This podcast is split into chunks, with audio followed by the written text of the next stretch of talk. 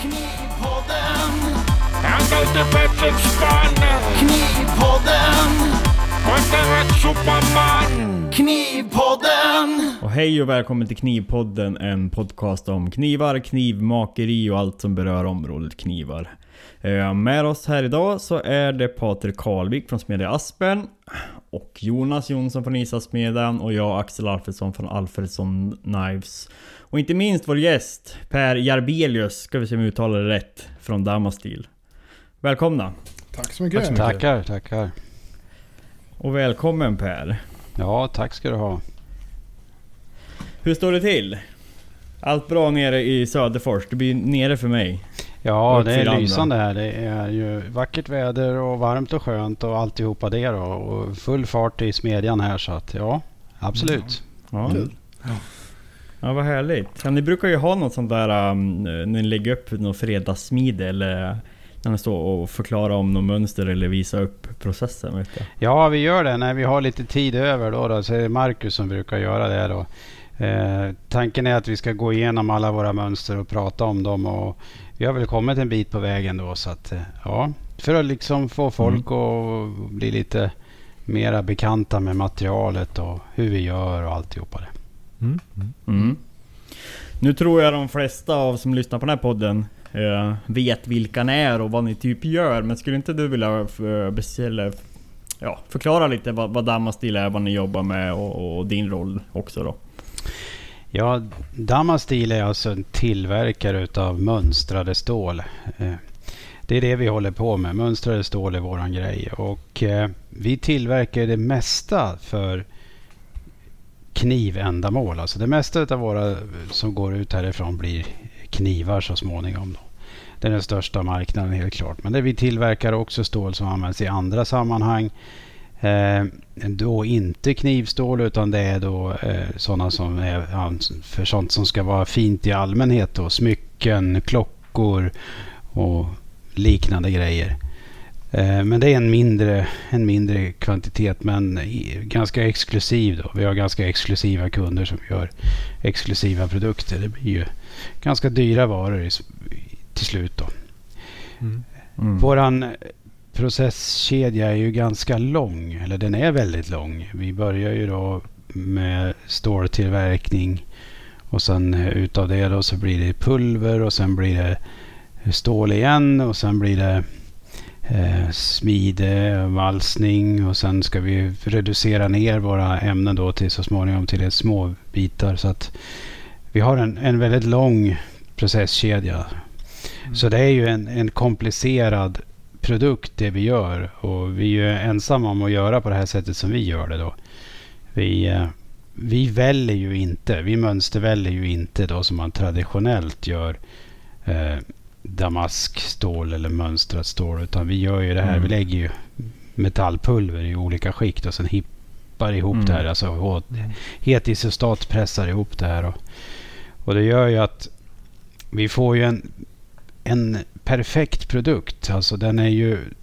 Vi har ju inga inneslutningar eller andra fel i produkten. Utan den är ju helt igenom homogen har ju varit det från början till slut. Och det är ju det som gör det skillnad. Alltså när du tittar på vårat stål, även om det är mönstrat och består av olika legeringar så är, har det alltid varit ett, en bit.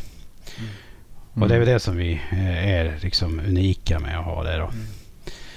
Så att eh, har man då såna här produkter som man ställer väldigt höga krav på när det gäller polerbarhet, att det ska bli spegelblankt och så vidare. Då funkar det ju väldigt bra. För att det blir ju, det finns ju möjlighet att polera upp det här helt spegelblankt. Mm. Men ja, vi har väl, alltså det mesta går ju till kniv då. Vi tillverkar ju då till både små och stora. Vi har en webbshop. Eh, vi säljer via distributörer runt om. Vi har en svensk distributör, SI Machine Tools. Det har ni väl koll på vilken, vilken den är. Mm. Och sen säljer vi runt om till, i världen. Vi säljer till stora tillverkare utav, utav exklusiva knivar. Eh, både fickknivar, fäll, ja, utav olika sorter och även köksknivar. Då. Mm. Finns det för det något som jag funderar på om, om du får säga det? Alltså om man tänker på lite större skala som en mer serieproduktion. Något, eh, något märke eller något företag som använder Damastil. Ja, det, det är väl inga hemligheter. Det är ju bara att titta på vilka, om man går ut och tittar på de företagen. Så vi har ju en eh, schweizisk tillverkare som heter Victorinox. Mm. Som är väldigt kända då för den schweiziska armékniven. De använder ju vårt material. Vi har en, en tysk köksknivstillverkare som heter WMF. Eh, och de känner ni också till. Eller, de är kanske inte så kända i Sverige för sina knivar. Eh, men alla som har varit på en eh, hamburgerrestaurang utav eh, välkänt norrländskt märke vet att de har köpt, tryckt på kaffe där ur en kaffemaskin gjord av WMF. Det är samma märke. Det är ett jättestort tyskt eh, märke. Ja, ja. De tillverkar framför allt bestick och köksredskap och alltihopa. Då. Eh, och knivar då. Mm. Sen har vi då när det gäller knivar då så har vi ju eh, flera amerikanska tillverkare varav kanske den mest kända är Benchmade eller åtminstone störst. De använder vårt material i sina eh, olika limited editions eh, mer exklusiva knivar. Mm. Okej. Mm. Och sen, ja. Sen finns det små och stora, eller små, de flesta är väl små svenska tillverkare som också använder vårt material. Nu ska prata om Mm. det då, men olika då. Eh, vi har flera andra kunder i, ute i Europa. Och, det, vi kan väl säga att det finns ju liksom en... Det är ju många små knivmakare, alltså one man show typ som eh, använder vårt material då i mer exklusiva knivar. Då. Mm. För, eh, Ja, I, vår, I vår sfär då är det ju lite antingen om man ska vara genuin då gör man sin kolstålsdamask själv. Eller så köper man Damastil, det är okej. ja, ja, ja. Mm. Ja, det är lite olika skolor där vad man vill hålla på Mm. med. Vi håller oss borta från kolstålet därför att det rostar och rostar är liksom ett problem eh, för, i nio fall av tio då. Mm. Eh, eh, och eh, Det finns väl, jag vet inte, ja det finns väl några stycken som är stora tillverkare på kolstålsdamask med och säljer så. Men annars är det ju mycket Mm. Kina och, och Pakistan Mm. och sånt på de grejerna där egentligen. Eh, ja. Ja, det är ju väldigt lite eh, Mm. europeiska tillverkare på kolstålsdamask. Det finns ju några då. Mm.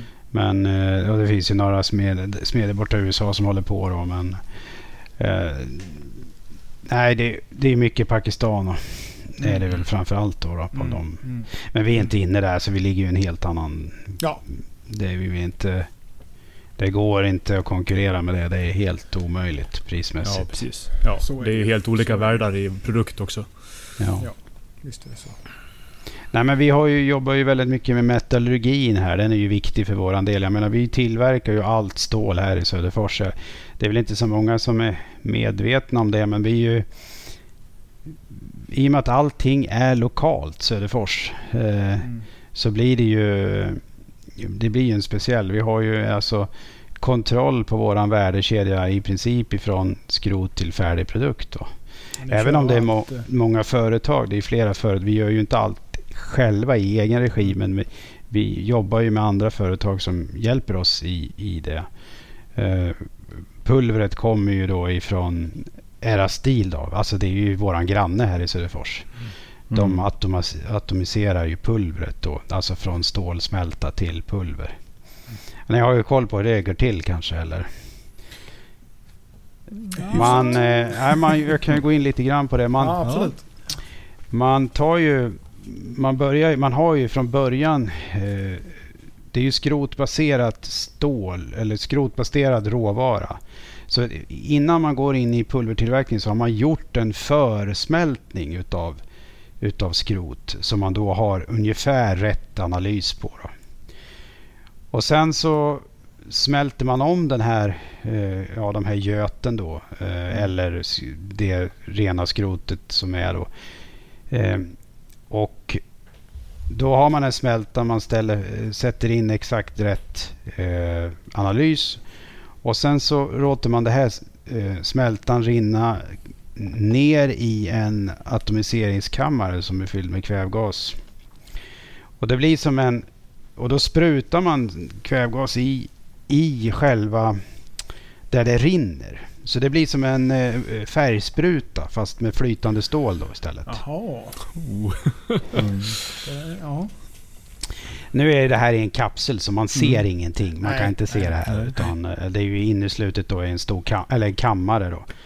Och eh, det finns inget syre närvarande i den här kammaren då. Utan eh, det rinner ner där. Och sen så det, då är det ju flytande i toppen på det här. Och det är så högt det här tornet då.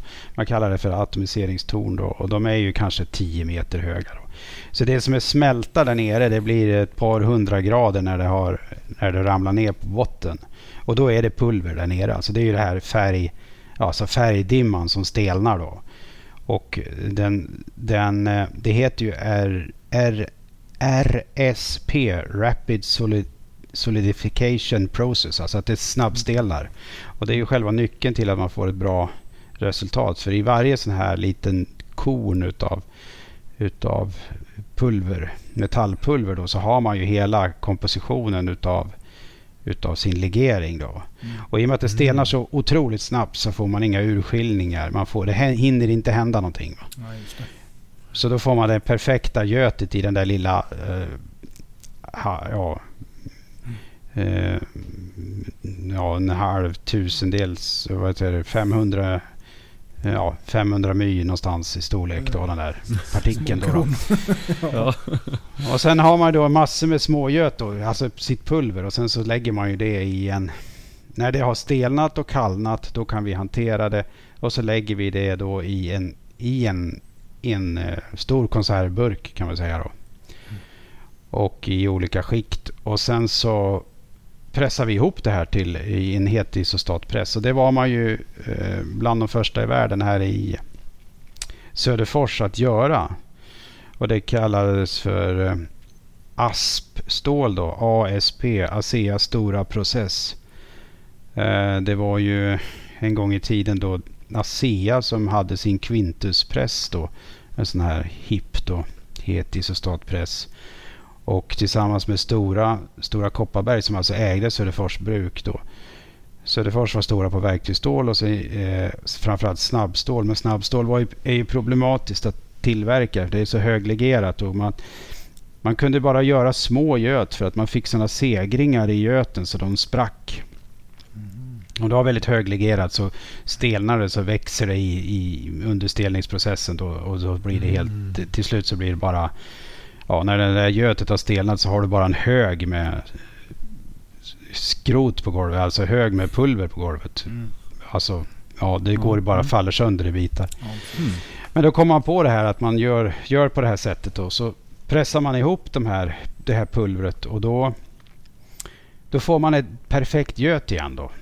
För det, du, du har så hög temperatur, eh, 1200 grader och 1000 bars tryck, så då, då smids det här ihop kan man säga. Totalt till 100% densitet. Alltså du får bort det. Det blir helt solitt. Och så blir det isotropt i alla riktningar. Du, det, alltså det är helt likformigt överallt var du är i det här materialet. Men den här pressen då, den är liksom, du har liksom överallt ifrån så att säga då, eller hurdant funkar det med själva... Ja, det är ju tryck alltså. Ja, Mm, mm. ja det är det som är precis. Ja, ja, det blir ju helt... Det blir ju en, det, det är överallt ifrån. Då. Ja, precis. Det är alltså, ja, du trycker ihop det här då. med Tusen bars tryck. Så du har ju Jajamän. den här kapseln.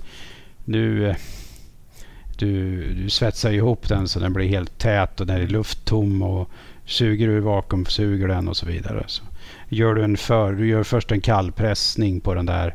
Och sen så gör man den här hetspressningen då på den. Så att det är tvåstegsraket. I här i Söderfors gör man så då. Mm. Mm. Så det är ett uniformtryck. Så det är överallt ifrån då. Mm. Ja, precis. Ja, det var det jag tänkte på liksom. Mm. Mm. Mm. Men hur, hur liksom har ni gjort mönstrade, eller det som vi kallar damask i, i folkmun sen starten? Eller vad, alltså hur, hur kom det upp? För det är ju väldigt nischat liksom. Nej, det började med att den personen som grundade det här företaget, då, Pelle Billgren, eller som uppfann kan man väl säga den här processen på, på ett sätt. Han, han hade en, eh, en... eh, Han gick en han var ju metallurg här eller ja, på, era, sti- på Söderfors bruk då, då och eh, gick väl och funderade på det här. Och sen så var han på en smideskurs med Kai Embretsen. Ja, Mm. jag, nej, nu ska jag låta det vara os- Det kanske inte var med Jo, Kai, men Jo, det Kai, var med Kai. Det stämmer nog det. För det Kai jag kom in där, det. i alla fall senare i bilden där. Mm. Och eh, då blev han lite inspirerad och så funderade han på det här borde vi kunna göra med, med våran process då. då. Och sen så hade var det väl lite experimenterande och sen så... Så att Damastil har aldrig hållit på med konventionellt eh, eh, ja, väld, väld, Nej. mönsterväld damask så Mm. att säga. Då, va. Utan det här är det som man har gjort. Då, då. Sen utvecklade då mm, Pelle då processen här då och eh, eh ja.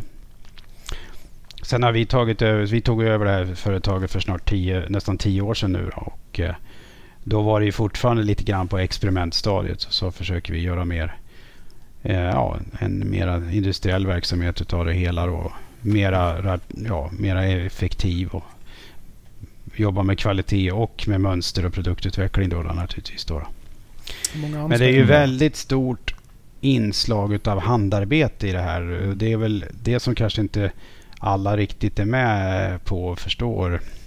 Men när vi får de här materialen, vi får ju ämnen utifrån när vi har gjort den här HIP-processen då, men de måste ju då arbetas med traditionella metoder då, med smide och, och prägling och, och så vidare då, då.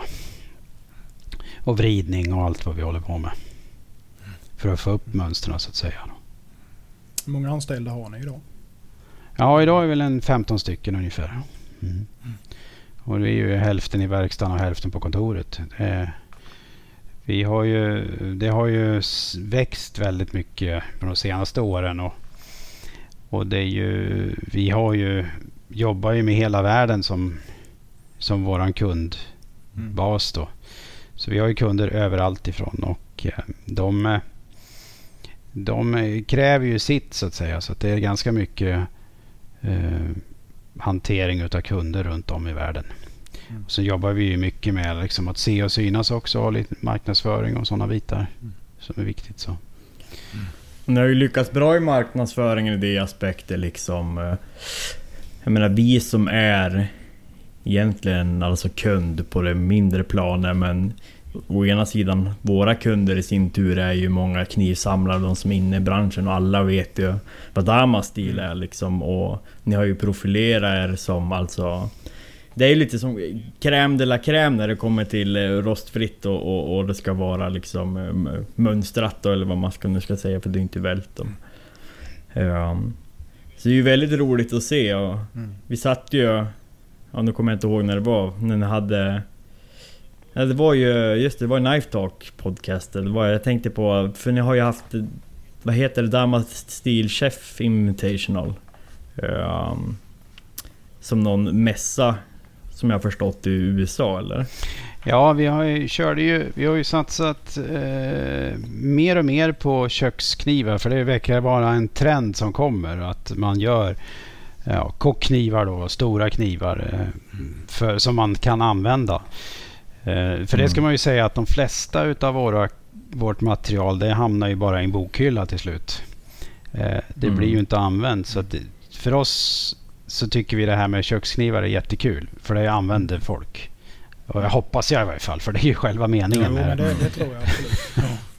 Ja, det är inget samlarobjekt på det sättet, även om folk samlar på dem. Men, men det är en annan sak. Nej, så vi har ju jobbat mycket med det. Och så körde vi igång någonting som vi kallar för Diamond Steel Chef Invitational. För det, det, vilket skulle vara en köksknivsmässa, kockknivsmässa. Med vårt material då och med inbjudna knivmakare då. Eh, och vi körde den i USA. Eh, sen eh, kom ju pandemin. Vi hann köra den två gånger, sen var det pandemi. Och eh, då visste vi inte vad fasen ska vi göra nu då? Men då så försökte vi se om vi kunde köra det här digitalt istället. Och, eh, så det har vi gjort nu då ett antal gånger och vi kommer upp igen i november. Och då har vi 20 knivmakare och en digital kockknivsshow. Eh, och det där har och vi har haft ungefär tusen besökare och sådär. Så att det har varit väldigt uppskattat utav knivmakarna eh, och utav eh, också våra ja, då kunder. Vi säljer ju inte någonting på den här mässan utan det är knivmakaren som säljer kniven. Mm. Så vi, vi bara, vi har showen så att säga. Vi faciliterar showen. Vi tar hand om det, vi eh, marknadsför den, vi lägger upp dem och bjuder in dem och, och så tar hand om det och så får eh, så säljer de kniven. Eh, så att, eh, men det är väldigt uppskattat. Så det, mm. det har ju funkat, funkat väldigt bra tycker vi då.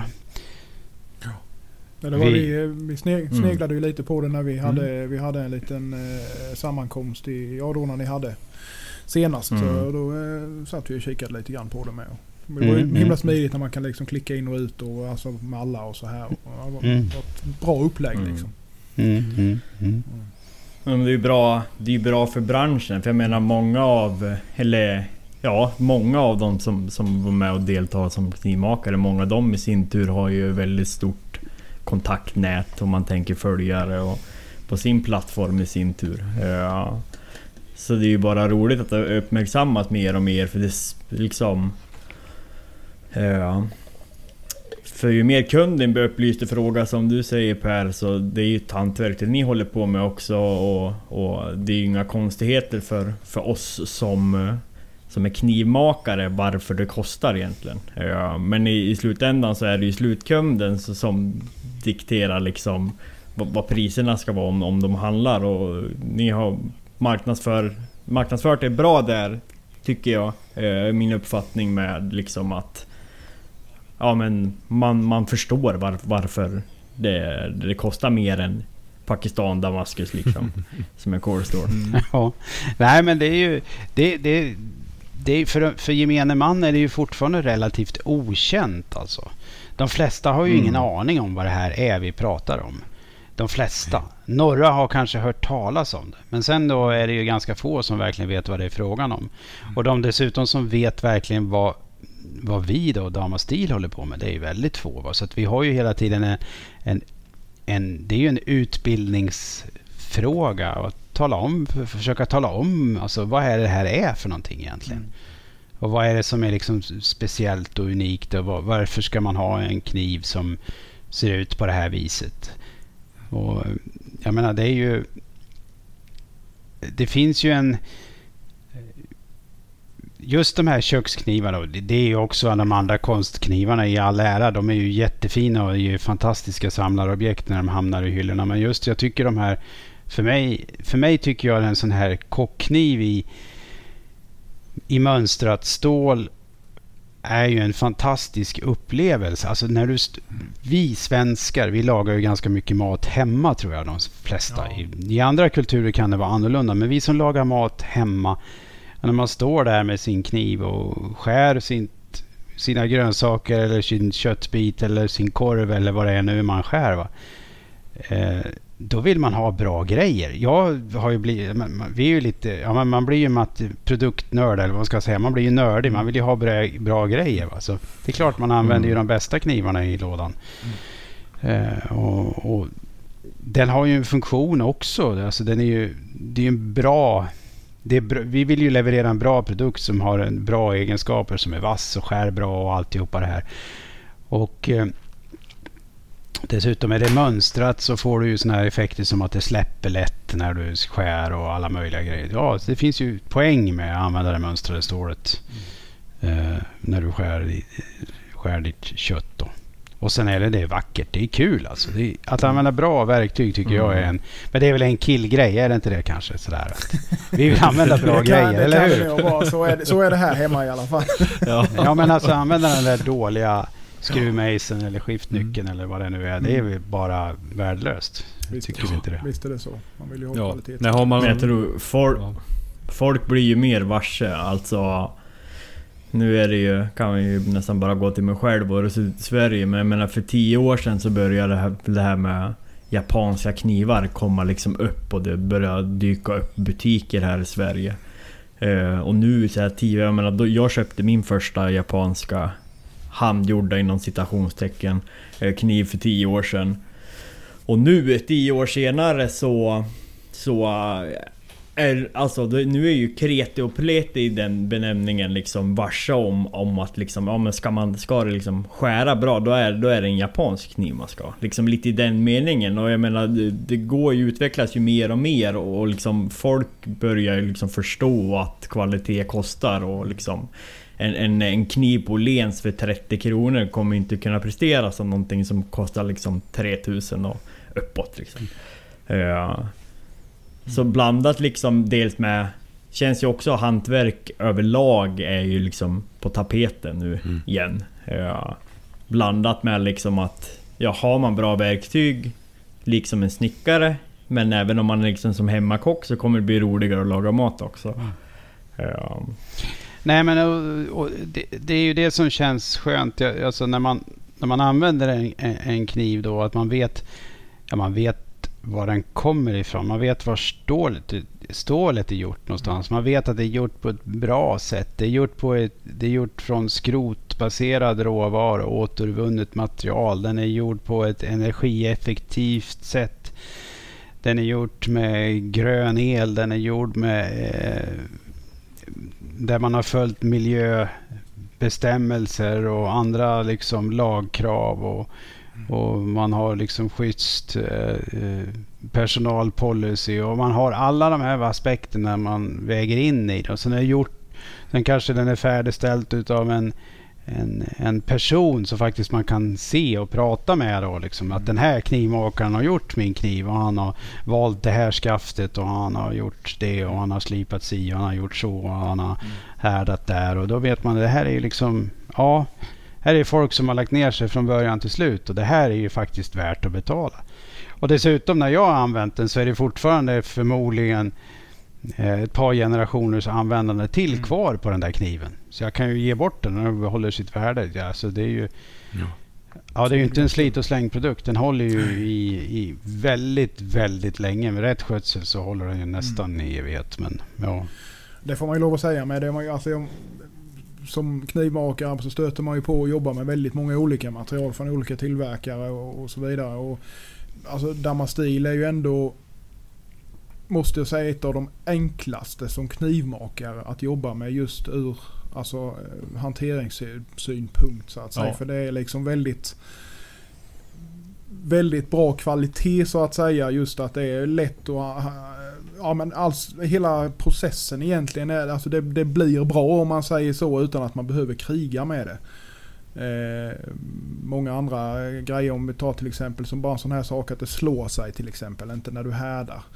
Eh, vissa kan ju vara helt hopplöst, spelar ingen roll vad du gör liksom. Det drar åt alla håll och kanter. Men just Damastil är, jag tycker det funkar, alltså det är väldigt, väldigt tacksamt att jobba med så sätt ja men det är bra du säger det. För det är, det är ju liksom våran idé också. Och det är lite grann eh, varför vi finns till. Det måste vara enkelt att jobba med.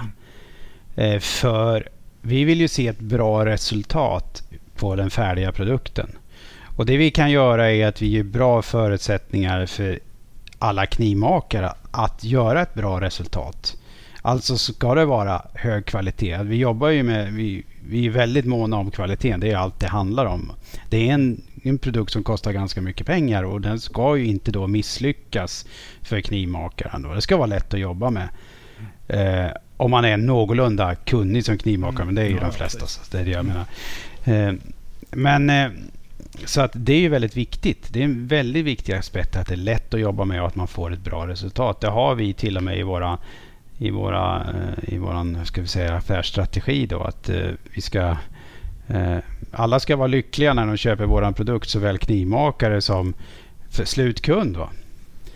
Mm. Det, det, är, det är jätteviktigt. Det, ska, det måste vara så. Och det är därför också vi har när vi går in på eh, legeringar så här. Vi har ju en viss typ av legering i vårat stål och eh, vi får ofta frågan om så här, ja, men ska ni inte, kan ni inte ha, kan ni inte ha det eller det eller det i stålet? Och ofta så kanske man har sneglat på om man har hört talas om något ganska extremt stål som finns någonstans och så tittar man på analysen på det där och så ser man att det är Ja, men det här blir nog förmodligen väldigt svårt att slipa eller det här blir väldigt svårt att hantera. Blir det här verkligen bra? Är det här någon väg vi vill gå? Går det här att skärpa och bryna på ett bra sätt?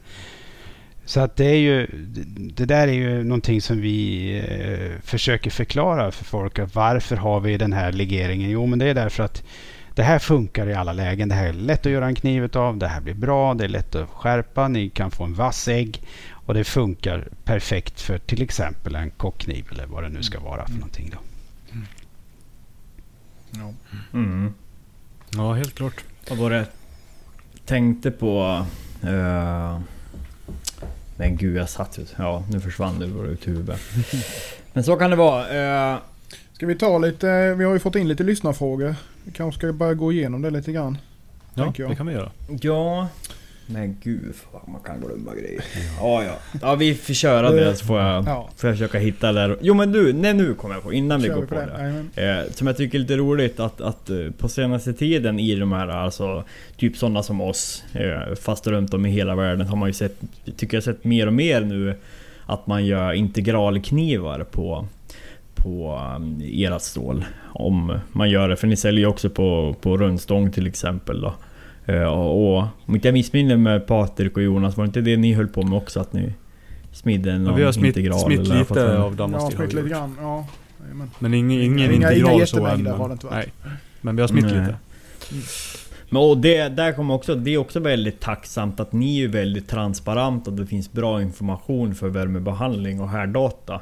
Eh, för oss som knivmakare, för en del tillverkare de vill ju liksom, ja det är liksom härdatat och där är det stopp liksom.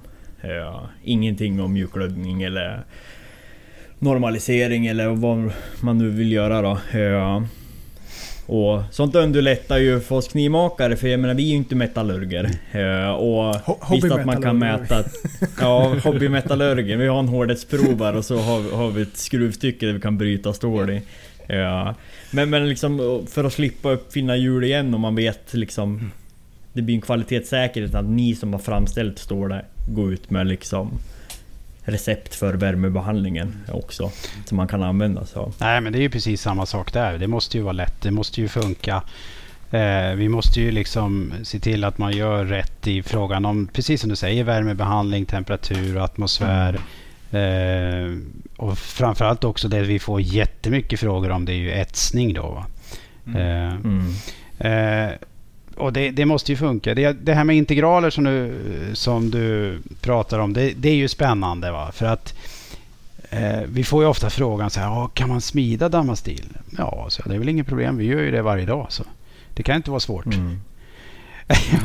Det är ju liksom... Nej, men jag tror det, Det- där att eh, folk är nog rädda Med för ha- att ge sig... handhammare. Ja, men folk är nog rädda med för att ge sig på Ja. det. För i och med att det Ja. kostar lite grann och så här så är Ja. de rädda att Ja. förstöra det och så med. Va? Så att, eh, Mm. Men det är ju som du säger, det är klart det går att smida ju. Det har ju smitts Mm. hela vägen egentligen. Ju, så att, Det finns ju vissa saker man måste vara lite försiktig med. Va? För att man får ju inte överhetta materialet för då separerar det. Och, och, och, och, men liksom det, är ju, det är ju egentligen den som är den kluriga biten. Då. Men om man, om man, eh, och det kan även separera om man kör för kallt. Då, va? Så man ska ha rätt temperatur och vara noga. Och sen är det ju inte alls som att smida kolstål. Kolstål har du ju ett väldigt mycket större temperaturspann att smida på. Och dessutom är det ju mjukt hela vägen. Så Mm. att det är ju det flyttar ju på sig på det som tar 10 minuter att smida i kolstål kanske tar en timme att smida i, i vårt material. Så det är ju en Mm. väldig skillnad. Man måste vara, Mm. man måste vara eh, vad heter det? Ha tålamod heter det. Mm.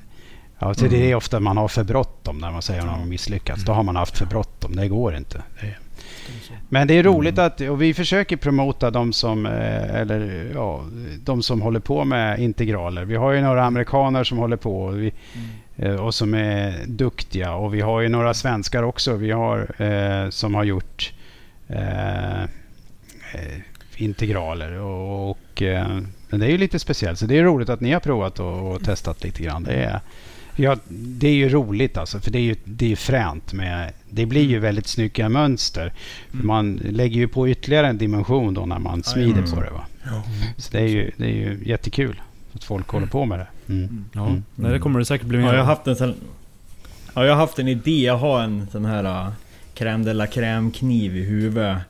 Med en integral som jag skulle vilja ha i damastil. Så efter det här samtalet då är det väl bara att ta, ta och, och, och köpa en, en rundstång. Ja, det är klart. Kan köpa två meter när jag ändå håller på. Så blir- Och så- 30 centimeter som är kvar sen menar du Ja. har hållit på. Ja. Nej men jag... Ja precis. Ja, kör en, Jag me- kör en meter rundstång i skropingen. Det blir bra det. Ja, kall, kallsmidan hela vägen. Ja. Nej men jag, jag gillar och, och jag har ju landat lite att jag smider ju väldigt mycket rostfritt nu. Nu ska jag säga att jag jobbar mer med rostfritt. Inte damask då men... Ja men eh, som mån och stål. Ja, jag, jag tycker om det där och det, jag menar för en annan så är det ju också ett liksom mindre eller en blöt filt man tar bort av den aspekten att, att det kan ju rosta om det inte tas hand om. Nu är det ju många kunder som vet vad de handlar när man köper en kolstålskniv men det finns ju även en risk och det finns ju, alla har ju en svärmor som kanske inte vet hur man tar hand om en kniv om man är husvakt. Så, så det, det är ju väldigt skönt att just att ha med, med den rostfria stålet i den aspekten. Mm. Ja. Ja, men eh, ska vi beta av lite lyssnarfrågor här då så vi håller tidsramen? Det kan vi göra. Och det är ju alltså från lyssnarna som det låter och har ju skickat in frågor här då som de har direkt till, till Damastil. mm. Ska jag ta första här då? Ja. Eh, se. Mattias Tressman frågar. Eh, han har tre frågor. Den första är vilket mönster säljer bäst? Ja, jag tror att det är... Nu är det sån här... Den här frågan får vi alltid och vi har ju liksom... Jag har ju inte direkt koll men jag vet ju att de här traditionella mönstren, alltså typ de här Ros och Vinland och, och eh, de är storsäljare. Eh, men vi har också typ sådana som... Vi hade lanserat ett mönster för några år sedan som heter Tor. Det är också en storsäljare. Mm. Eh, jag tror att eh, ja, det, det är några mönster som står för en större del utav, utav kakan och eh, eh, så är det några mönster som eh, är inte så populära. Och då undrar man ju varför är det si och varför är det så. Då, lite grann har det att göra med namn. Eh, faktiskt är det så. Och jag tror att det här Tor, det slog just därför att det heter Tor. Ja, det, för jänkarna har ju väldigt lätt att uttala det då. Four säger de ja, som Ja, ska ha precis. Thor. Det, så det, det, var Björkmans liksom... twist är lite värre kanske. Ja. Ja, ja Tacka precis. fälla. Björkmans twist, ja. ja.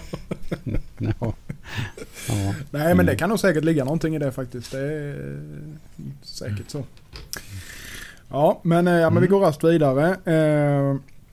Nu har han även frågat då vilket mönster passar till stora respektive små knivar. Eh,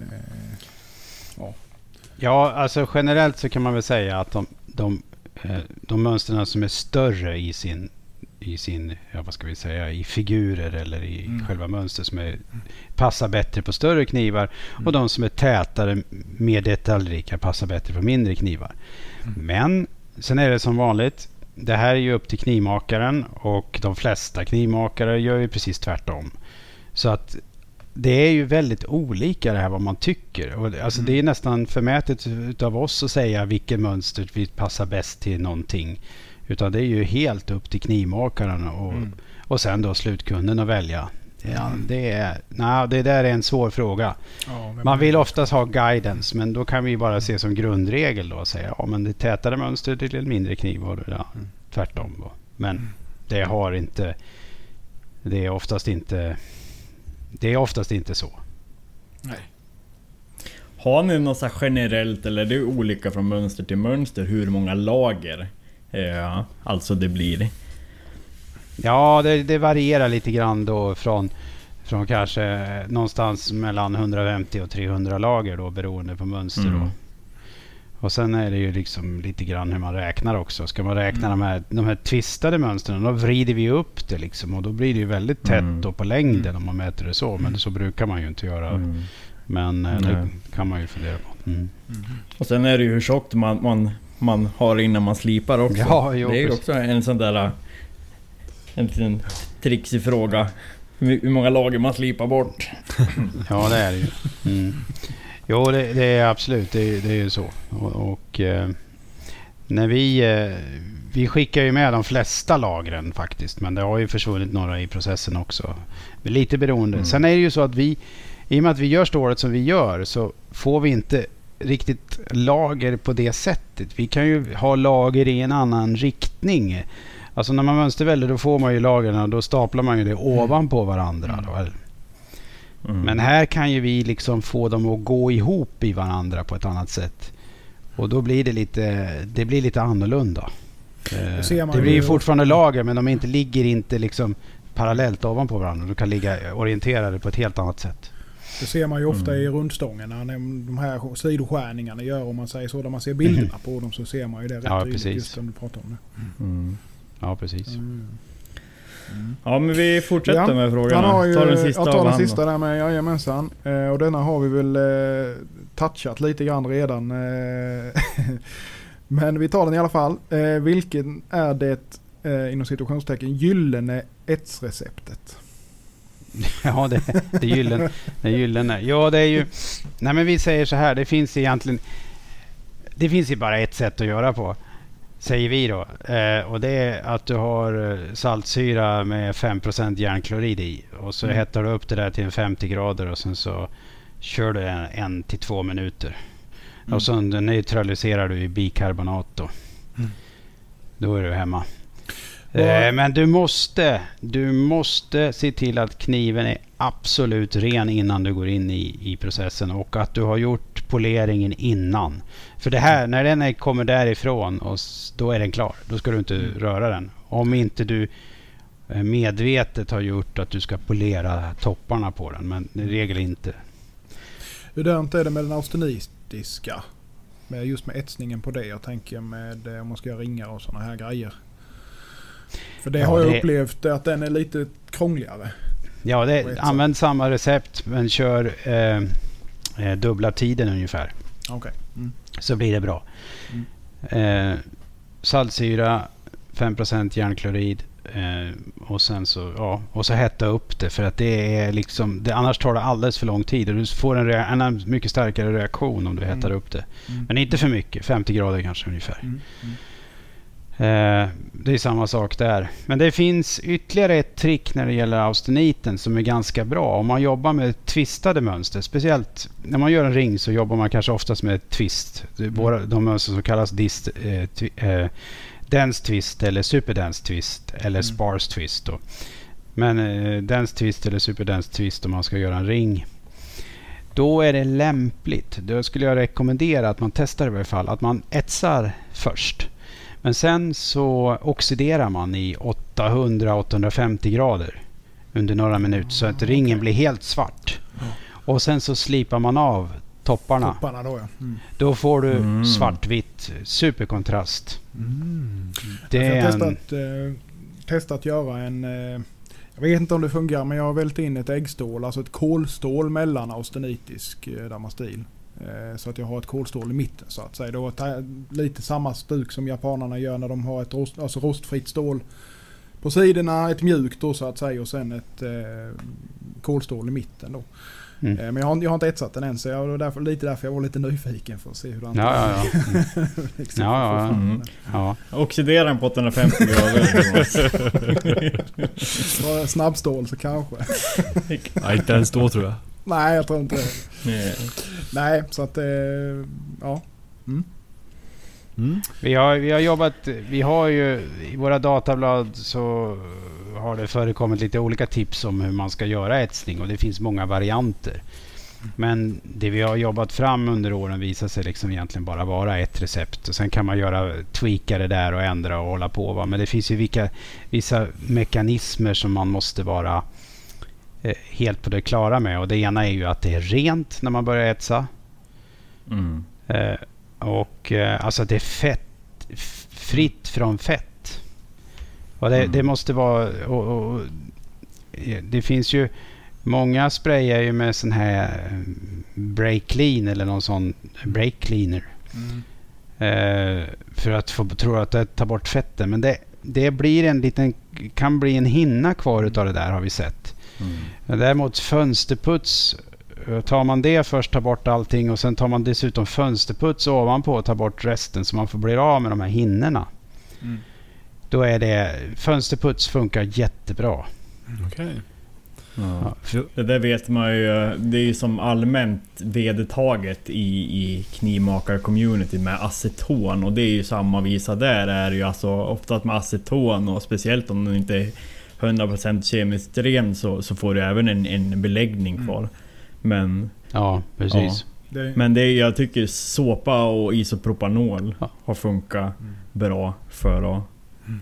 få bort liksom och få det helt fritt från fettfläckar. Ja, ja. Mm, mm. Ja, det finns ju många tricks. Men det är ju det. Och sen Ja. så ska det då vara... All finishing lägger du ju innan du etsar. Va? Det ska ju vara Mm. färdigt när du etsar det och det är så inte man ska behöva gå på efteråt. Då. Mm. Sen finns det Mm. lite undantag till det beroende på hur man gör. Men det vi behöver inte gå in på. Men, Mm. men det är resultatet innan. Det betyder att du... sk- Alltså förarbetet till etsningen det är liksom nyckeln till att få en bra etsning.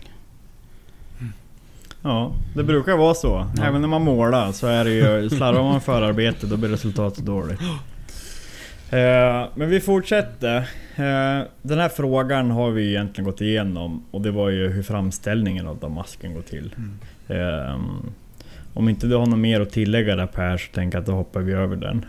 Nej, det har vi väl gått igenom. Ja, Ja, precis. ja. Ja. Och då är det David Eriksson som frågar. Han har en hel del frågor där. Det vore kul att höra om Damastil har något exempel på en kniv slash yxa slash något annat där de har blivit extra imponerad över hur stålet används. Sådana just sådana speciellt alster som jag sett att...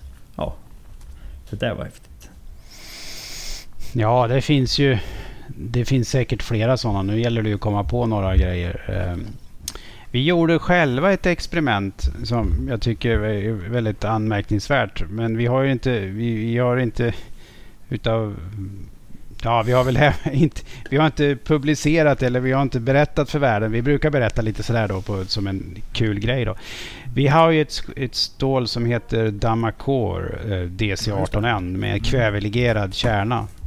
Och det här kvävelegerade stålet det har ju då den möjligheten att det är väldigt eh, beständigt mot korrosion. Eh, och eh, normalt sett så kör man ju inte sin damaskkniv i eh, diskmaskinen då. Men vi gjorde Mm. ett blad utav den där och eh, slängde in i diskmaskinen. Och det, det har gått hundra cykler i diskmaskinen. Bara gått och gått och gått och gått. Bara legat där liksom. I Mm. våran, i våran, den som vi har i fikarummet då, då. Och den är lika vass som när vi stoppade in den. Mm. Oj. Och det kan man väl säga är en extrem alltså. Så det stålet är ju... Fixar man bara ett skaft som klarar eh, diskmaskinen så är det bara att köra på. Ja. Det syns Ja, det inte på den. Det Hmm. rätt Mm. häftigt faktiskt. Ja men det, det rimmar ju gott med det jag håller på med talande stund. Diskmaskinsknivar. Ja. Det är. Men det är ju bara för jag är så jävla less på den här garantigrejen nu så jag vill bara, ja kör den i diskmaskin. ja, precis. Jag rekommenderar inte, men gör det om du vill. Nej, gör vad du vill. Ja, Mm. Ja, fan. nej men det är ju... Det är intressant och kul. Mm. Hmm. Ska du ta nästa med? Axel, när du ändå är igång. Ja, nu har jag smort munläder så nu kör vi. Då är det David Eriksson som frågar igen då. Hur jobbar Damastil med knivmakare för att utveckla sitt stål? Eller, eller är det en mer intern process? Nej, vi försöker ju... Alltså knivmakarna är ju väldigt viktiga för oss, de individuella personerna. Vi brukar ju träffa dem på mässor. Eh, och vi är ju framförallt, vi, som vi sa, vi säljer ju 98 procent på export och mycket till USA. Och i USA är, är mycket av marknaden. Så vi är mycket på mässorna i USA. Vi jobbar med de eh, knivmakare som finns där eh, på olika sätt då, och eh, försöker att ja, utbyta erfarenheter och ha med dem i, liksom komma med input till våran, våra produkter på olika sätt då. Och vi har gjort en del, vi har gått lite längre i vissa fall där vi har jobbat kanske med, några, med någon speciell knivmakare som har fått vara med i designprocesser utav, av ett mönster. Vi tar in synpunkter på hur de vill att det ska se ut. Och vi kommer lansera en nyhet nu då som är som kommer eh, här i samband med Blade West. Tyvärr är det ju så att vi kan inte åka på några mässor nu. Vi har ju varit eh, strandsatta här i Söderfors under, eh, ja sen pandemin började. Så vi har ju missat eh, eh, Blade Show två gånger i rad och vi skulle åka över här i september men vi kommer fortfarande inte in i USA. Så vi får ju stå över till nästa år då tyvärr. Eh, Så det, det är ett riktigt avbräck för våran del. Men eh, vi kommer att lansera ändå en, eh, en produkt här i, i, eh, i eh, början av oktober. Då. En variant på Damacore. Och eh, Mm. med en ny legering och eh, den har väl kommit in till för att man har velat då från knivmakarsidan eh, ha den typen av produkt då. Det är väl typiskt. Till exempel då. Mm. Men det är inget så här om man tänker typ som Bob Kramers, att han har satt sitt namn på Svilling så att ni har en känd knivmakare för ett just mönster. Nu sa du att någon hade varit med och vi jobbat fram mönstret vid, vid, på, på ett av stålen då, men... Nej, alltså... Eh, nej, det, vi jobbar inte riktigt så.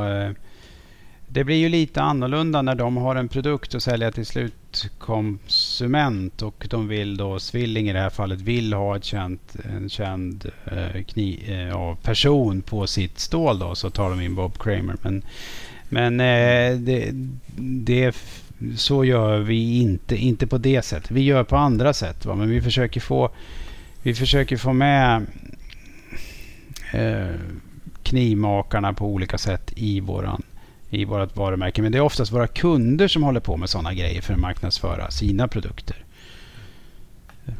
Mm. Ja, vi, vi kör på så vi hinner med då. Vill du ta de sista då Det Patrik? kan jag då? göra. Eh, David frågar även här då. Hur kommer namnen på mönstren till? En del är lite som Isasmedjan med en viking touch, typ Bifrost. Och en del är saker som husägare har nytta av, typ stege eller ett felstavat bildäck som hackapella. lite seriöst dock, finns det någon anledning att de, olika, att de har olika typer av namn? Ja, det gör det. Vi, eh, vi brukar ha brainstorming i fikarummet. Vi, har, vi, vi brukar ha en lista på namn. Vi, vi hämtar våra namn ur den nordiska mytologin. Eh, I princip uteslutande nu.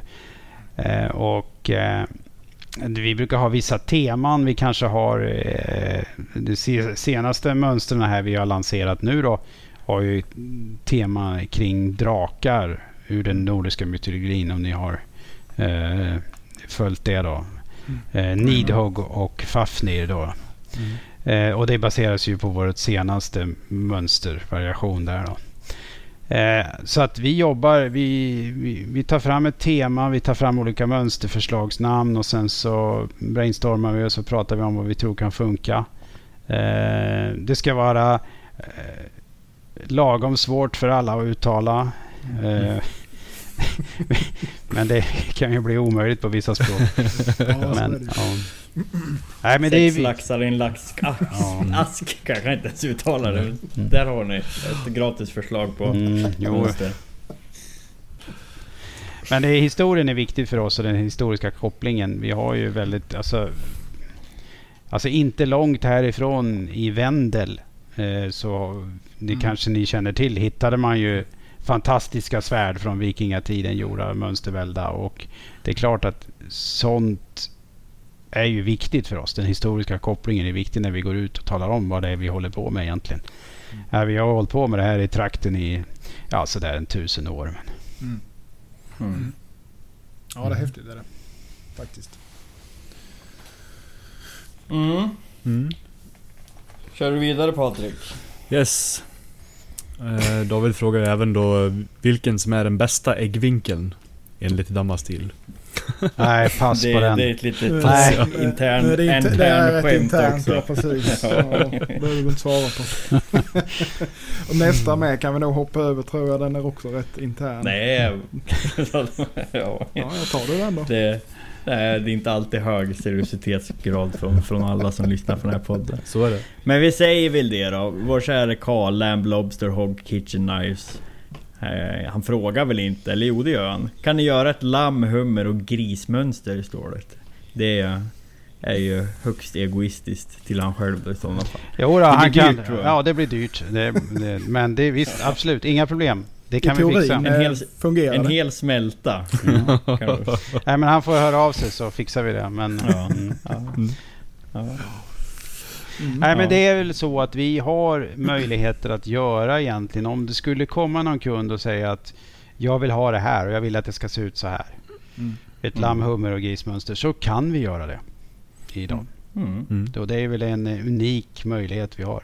Ja det är det ju definitivt. Det är Men hur, där är ett, en rolig fundering. Alltså när ni tar fram ett nytt mönster, hur mycket i processen liksom när ni lägger lager? Eller är det mest att ni gör som, som man tänker när man så själv, man tvistar och drar och borrar ut och kapar lite olika och en annan väljer ju sen ihop då och sen så kollar man och så har man fått ett ballt mönster eller inte. Men liksom hur, hur blir framtaget mönster från er sida? Ja, vi, eh, vi har, eh, vi har eh, nog jobbat fram ett annat sätt att jobba. Utan vi säger så här, hur vill, ni, hur vill kunden ha mönstret? Har man Mm. några speciella önskemål och sen så försöker vi gå baklänges helt enkelt. Mm. Okej, här Mm. kunden vill ha det så här, då kan vi göra så här. Mm. Och så Mm. kan vi presentera det. Så att vi har lite andra möjligheter idag att göra det. Mm. Att Mm. gå andra vägen helt enkelt. Att börja med den där lamm, hummer och grisen. Och, och sen Ja, så... Mm. Ja, häftigt. Mm. Ja, det var det jag lyssnade frågmässigt och vi börjar närma oss en timme här nu som, som avtalat. Men eh, vad ligger i pipen härnäst då om vi avslutar så? Och vi har ju tjatat om det på podden att vi skriker ju efter att vi vill komma ut på mässor och eller vi vill vara bland, bland likasinnade och jag antar att ni också vill det som, som, som det låter. Eh, Men har ni några mässor eller event eller någonting inplanerat eller är allt på is med, med covid nu eller? Ja, det fysiska är ju på is med covid. I november kommer vi Mm. köra en Damastil Chef Invitational. Alltså en- den här digitala online knivshowen då. Sen eh, vet vi inte hur nästa år ser ut. Vi har, eh, vi har nog, eh, som det ser ut nu, eventuellt mässor i USA i april och i juni. Eh, Som vi ser fram emot. Men eh, i, utöver det är det faktiskt ingenting planerat. Det är ju högst osäkert. Ja. Mm. ja, det har varit en seg tid ett tag. Usch. Mm. Ja, nej, det här det, Mm. det kommer väl att ändras hoppas vi. Va? Mm. Så att, eh, Mm. Mm. och vi ser ju fram emot, eh, mot eh, att komma ut där igen. Det, det, Ja. är, det är viktigt. Men, Mm. så vi tror Verkligen. det. Att vi får göra det. Mm. Ja. Hoppas vi på. Det hoppas vi på. Covid-mönstret. Det, där har ni. ja, ja. Det Men det kommer, hända, alltså det kommer hända väldigt spännande saker på Damastil eh, här inom en framtid om ni Mm. följer oss. Eh, Vi har ju nya mönster på gång. Vi har lanserat de här nya mönstren som vi pratade om. Eh, Mm. Fafnir och Nidhogg. Vi kommer med en ny Damakor-variant. Och eh, det kommer komma mycket spännande saker att hända under nästa år också. Det kan jag lova. Ja, kul. Mm. Kul. Det ser vi fram ser vi fram emot. Ja, verkligen. Mm. Om man vill följa er med alla mässor och, och inbjudningar och nu när ni kör också online i november. var- Vart är det lättast att hitta mer information då? Är det på er hemsida eller? Ja, hemsidan eller Instagram, Facebook. Men Instagram är väl Ja. det vi publicerar mest på så att säga. Mm. Ja. Och ni heter väl bara Damastil rakt av där va? Ja, Damastil AB tror jag till och med. Ja, precis. Ja, Ja, okej. Mm, Ja, det stämmer. Mm. Ja. Mm. Ja, har du något mer Per som du vill passa på att lyfta upp eller? Nej, jag tycker vi har tagit allting. Jag vill tacka för att jag fick vara med här och det var Mm. trevligt att prata med er. Och så hoppas jag att vi, vi ses igen. Ja. Hörs. Absolut. Mm. Ja. Tackar för att du var med. Jag kan skicka leveransuppgifterna, den kan skicka en pall med, med, med godsaker som jag kan testa på. Alltså. Det blir bra det. Ja. Det är bra. ja. Eh, du kan stanna kvar i samtalet här men vi, vi säger hej då här till lyssnarna. Eh, så vi tackar och sen så hörs vi... Lys- Vi ja, hörs nästa vecka ni som igen. lyssnar på det här, vi hörs nästa vecka. Det gör vi. Så är det. Hej då. Tack och hej. Tack och Hej, hej. hej. Knivpodden!